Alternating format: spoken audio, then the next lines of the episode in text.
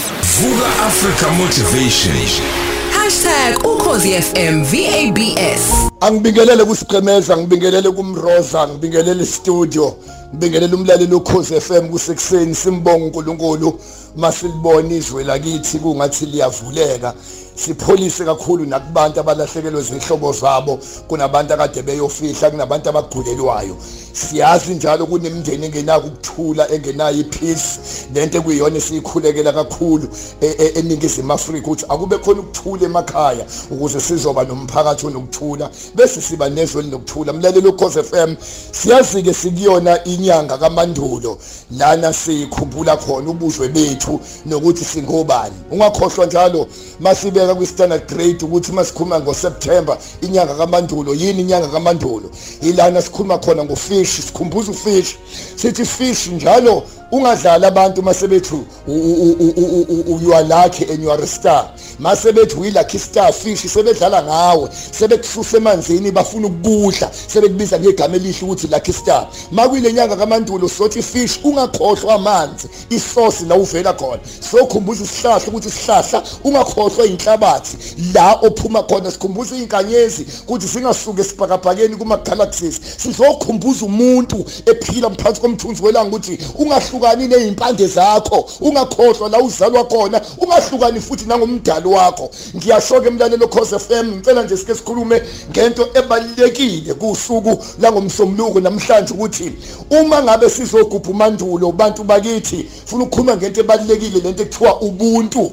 Uma umhlungu sixoxo triple SC cubungula sithi sinovalo uma ngabe sibona kwanje abantu kodwa abangenabo ubuntu.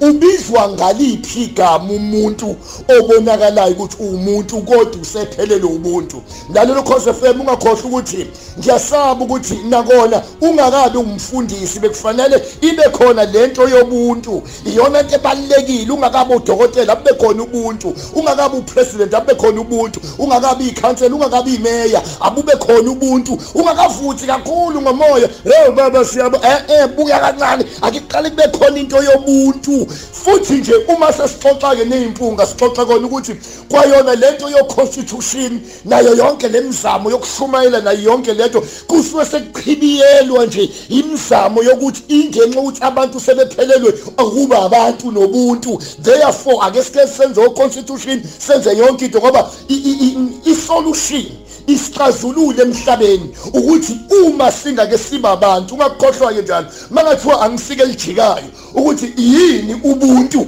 Into esimple u-a u-a ekubeni ubuntu yini ubuntu? Ubuntu ukwazi ukuthi njalo nomunye umuntu umuntu.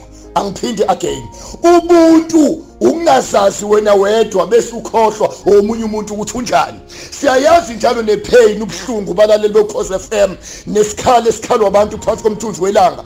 Whereby uhlukunyezwa umuntu ngoba azi ukuthi ngeke ukwazi ukumphinisela uma ungihlukumeza ngoba uyazi ngeke ngikwazi ukumphinisela ubaba ungihlukumeza kanje ngoba engizala azi kahle ngeke ngimphinisele umyeni wami usengazangidila ngihlukumeze kanje ngoba uyazi ngeke ngimphinisele ayikho into ebuhlungu njengokuhlukunyezwa umuntu esecapitalizer ekutheni ngenxa ukuthi ngikwi-authority ngenxa ukuthi nginesikhundla ngiyakusaba-ke ngiyamsaba umuntu odakwe ilungelo nomuntu odakwe isikhundla umuntu odakwe iposition angiphinde again lezi zinto zingasidaka ngoba izo zonke izinto eyiqeda ubuntu lobu sizoqhuquzela abazali bazali iy'ngane zakho lezi zavundla emathunjeni akho. Ngiyasaba uma usuzokhetha iphela emasini bathanda abantwana bakho nawe mqashi phela funda uyisibonga isisebenzi sakho ukuthi waze wenza kahle. Ngiyakusaba ukuthi umuntu uzombizela e-ofisi ngoba usumgxeke necala. Awukumbizela e-ofisi uzothi well done. Singakhohlwa njalo correction is good but encouragement does much.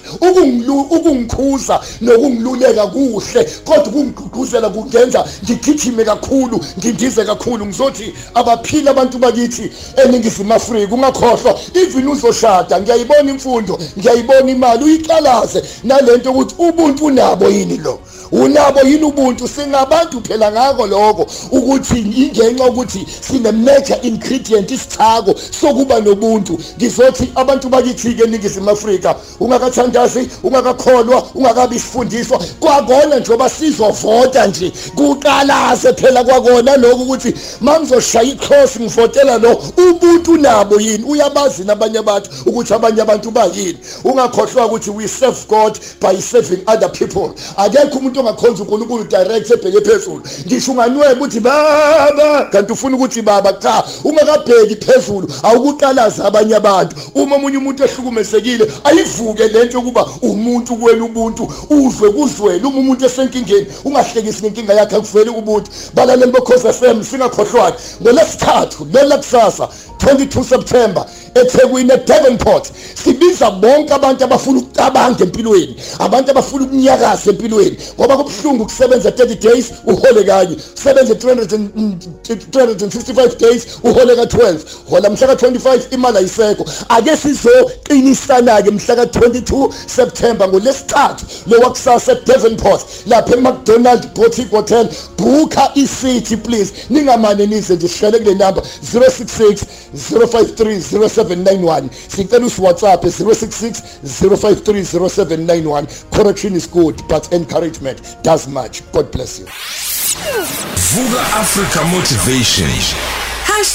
#ukhozi FM VABS Uma ufuna ukulalela ama-podcast ethu uvakashela u-www.ukhozifm.co.za ukhozi FM luhamba phambili.